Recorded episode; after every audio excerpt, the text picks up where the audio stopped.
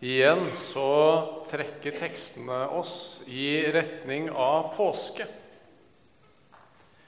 Og det er godt å få dvele og godt å få være der. Det er på en måte gravitasjonspunktet for troen vår. Alt. I fastetida så lengter vi fram mot påske, og i påsketida så ser vi tilbake på påske. Og gjennom året så er det påske som er grunnen til at vi kan komme hit til kirke og være sammen. Så det er godt å få komme dit til påskehistorien også i dag. Og det er skjærtorsdag nå i vår tekst. Vi møter Jesus og disiplene i deres siste time sammen. Jesus har vaska disiplenes føtter. De spiser påskemåltid. Jesus har pekt ut Judas som forræder. Det er forvirring, det er frykt, det er uro. Disiplene de kjenner at nå skaker det virkelig i forføyningene. De finner at i dem så er det ingenting trygt og solid de kan bygge på. Frykten og forvirringen og redselen den tar overhånd. Troen den utfordres. De har vært i livsfare før, på Genesaretsjøen, i stormen. Men nå stormer det inni disiplene. Hva nå, Jesus? Vi ser på deg. Tidligere så har Jesus sagt 'følg meg'. Men nå, rett før den teksten vi skal være sammen om, så sier han 'dit jeg går, kan dere ikke komme'. Hva? Hva mener du, Jesus? Og Peter spør, 'Herre, hvor går du hen? Hvorfor kan ikke jeg følge deg?' 'Jeg vil gi livet mitt for deg, Jesus. Vi er et team.' 'Du har jo meg, Jesus. Kan ikke jeg være med?' I Peter så får vi møte vår menneskelige natur. Vi vil bidra til frelsen. Vi vil være med. Vi vil ha fortjent litt ros. Litt meg og litt deg, Jesus. Kan det ikke være sånn? Så kvitterer Jesus før hanen galer tre ganger. Så skal du ja, Før hanen galer, så skal du fornekte meg tre ganger. Det er vårt bidrag. Vi faller. Livet sånn som disiplene kjenner det, det er i ferd med å rase sammen. Det blir smertefullt for stoltheten å se det de nå skal få se. Oppleve det de nå skal få oppleve. Frelsen, den må vinnes av Jesus alene. Og så tar Jesus ordet, og vi kommer med i fortellingen. Det er Jesus som er det eneste håpet nå. Og vi får en lang avskjedstale fra Jesus som Johannes har gjengitt i sitt evangelium fra kapittel 14 og videre i noen kapitler. Vår tekst den er helt i starten. Jesus inviterer oss inn. Og Så reiser vi oss nå og leser dagens evangelietekst sammen.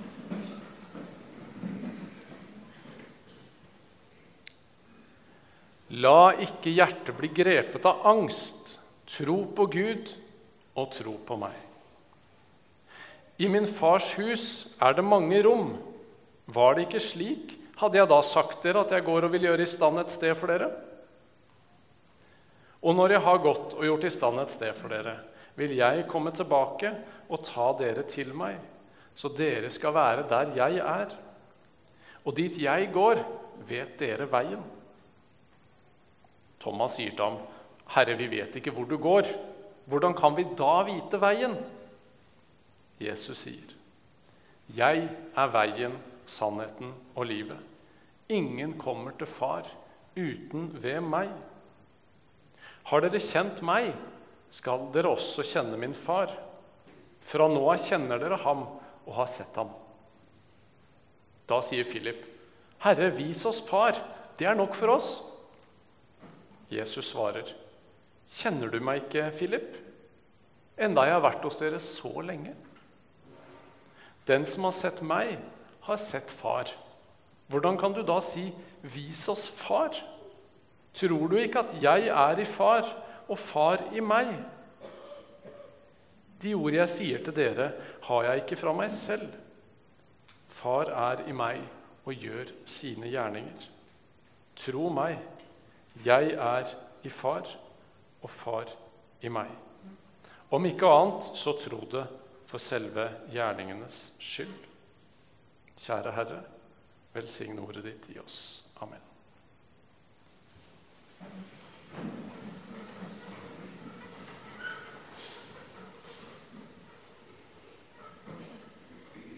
Vi leste fra Jesaja kapittel 40 i prekenteksten i dag.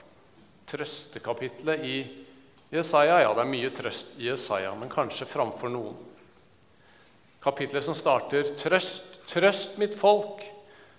Rop at hennes strid er fullført, at hennes skyld er betalt. Nå får vi være med når det skjer. For Israel, for deg Jesus står foran Getsemanes gru.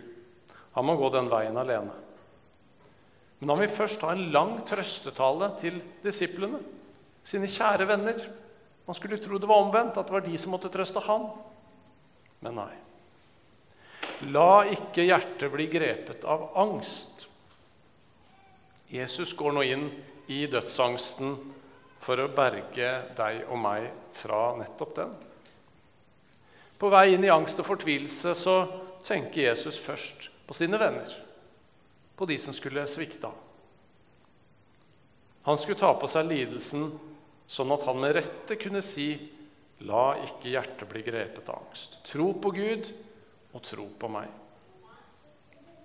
Vi kan gjerne trøste hverandre. Og noen ganger så vet vi det er tom trøst, men fortsatt. Det går nok bra, skal du se. Det er både velment og det kan føles godt, selv om begge vet at det går den veien høna sparker. Jesus han har en annen type trøst. Han skal nå beseire de onde kreftene som holder oss nede, i sorg og i uro. Sånn at vi kan vite det går bra. Ja, det gjør det. Om smerten og angsten herjer i livet vårt i dag så vil det gå bra. Jesus er sterkere enn min angst. Han har gjennomlevd den, og han er hos meg. David han fikk ane noe av dette her lenge før det skjedde, blei fullendt. I Salme 62 så forkynner David.: Bare hos Gud er jeg stille. Fra ham kommer min frelse. Bare han er min klippe og min frelse og mitt vern. Jeg skal ikke vakle. Du skal ikke vakle. Jesus han kommer en dag for å ta oss hjem. Veien til korset, veien til å sone for synden og gjøre situasjonen vår rett med Gud, den veien kan bare Jesus gå, og han går den alene. Peter og du og jeg, vi har ingenting å komme med. Men konsekvensene, konsekvensene av det Jesus gjør, de gjelder deg og meg. Disiplene kunne ikke være med i kampen, men de får full del i seieren. Og først da, når vi allerede har seieren og eier den, først da kan vi følge Jesus. Og dypest sett så blir vår livsreise en seiersmarsj. Ikke i prakt og ytre velstand, men i ydmykhet og kjærlighet. Etter forbildet fra han som vant oss seier. Som rei inn på en eselfole, som ble krona med torner, og som blei innsatt som konge ved å bli spikra til et kors.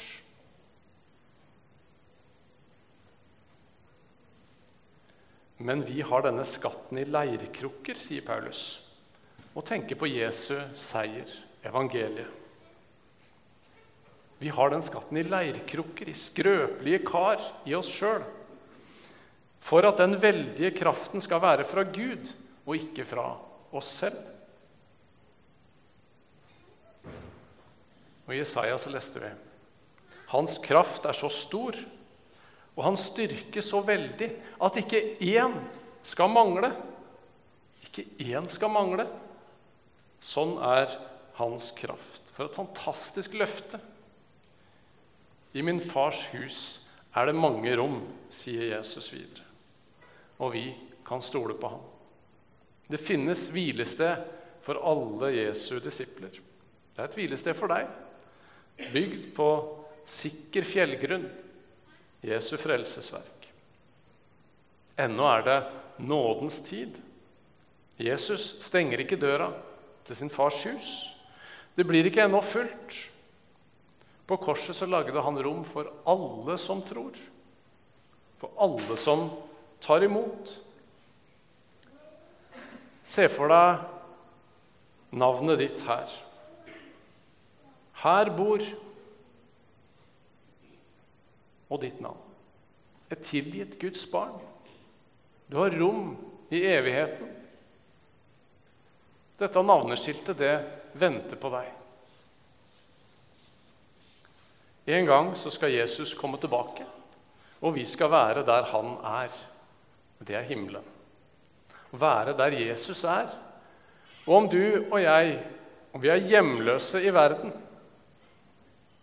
Om du kjenner deg som en fremmed, som vi sang, en gjest i verden Du har et hjem. Du hører til.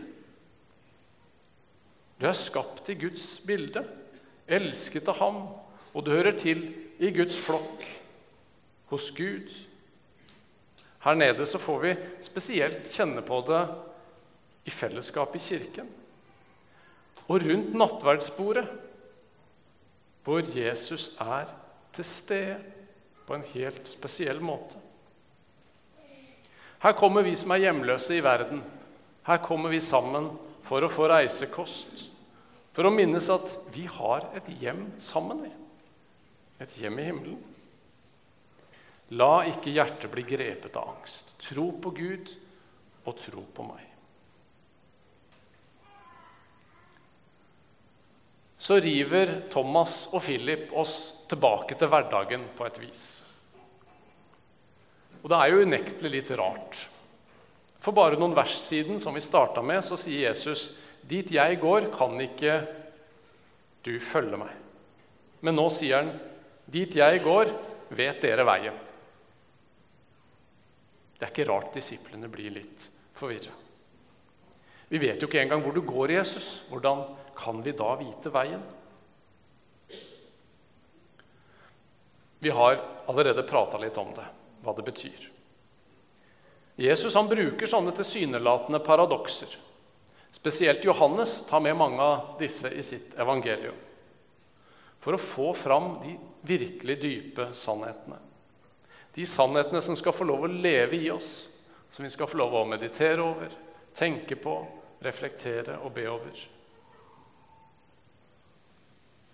Frelsesveien nei, den kunne ikke vi gå. Den måtte Jesus gå alene, som vi har sett. Hvis jeg skulle bidratt der, så hadde ikke troen lenger kunnet bli klippefast og sikker. Blander du jord i jernet, så blir det ikke lenger sikkert og solid. Men nettopp fordi Jesus vinner frelsen alene og står opp igjen, så inviteres vi til å følge Han i en død som er lik hans, i en oppstandelse som er lik hans. Og det er noe vi kan stole på, for det er kun Jesus det står og faller på, og vi vet at Jesu verk, det er fullkomment. Nå inviteres vi til å følge Jesus. Og vi vet veien fordi Jesus er veien. Ingen kommer til Far uten ved meg, sier Jesus. Og med det så har han sagt noe som provoserer langt inn i postmodernismens ryggmarg. Jesus hevder eksklusivitet. Jesus er den eneste veien til himmelen. Den ene sannheten.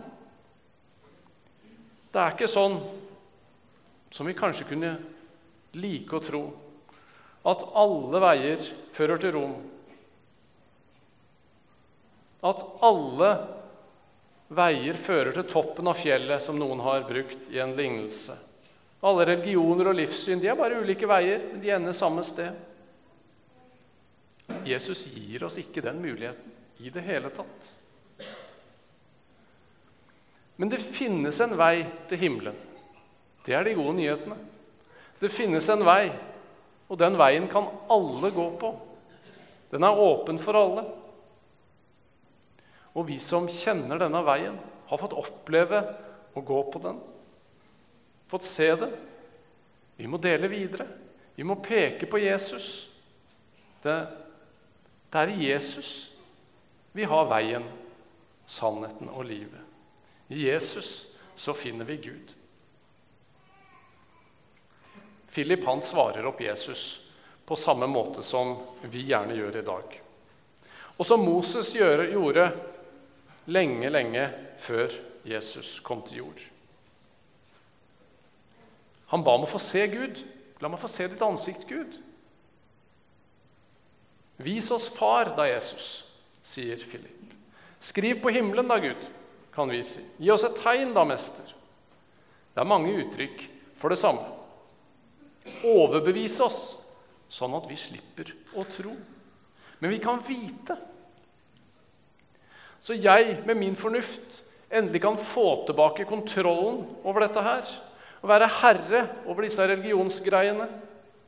Så trenger ikke forholdet være basert på så mye tro og tillit og kjærlighet, men heller på harde, kalde fakta.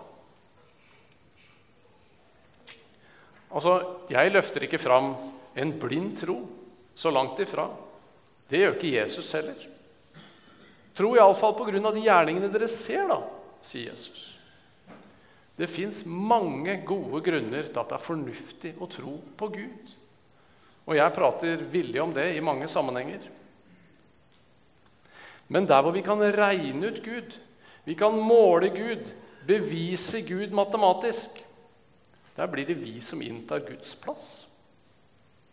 Jo da, Gud, jeg kan gjerne leve med deg, bare min tanke får gripe deg skikkelig. Om jeg bare får definere deg sånn at jeg har kontroll på deg, definere deg i mitt bilde, så tar vi Gud til fange med vår egen tanke og setter oss sjøl i hans sted. Nei, se på Jesus. Der ser du Gud. Disiplene de kjenner Jesus, men samtidig vet de, vet de det ikke. De vet enda ikke hvilke skatt de eier. Mennesker fra alle tider, ja, vi, skulle jo drømme om å være der disiplene er i dag. Sammen med Jesus, sammen med far. Men ser du hvilken skatt du eier? Du har fått Guds gaver i dåpen om du er døpt. Du kjenner veien. Du eier frelsen i Jesus. Men er du klar over det?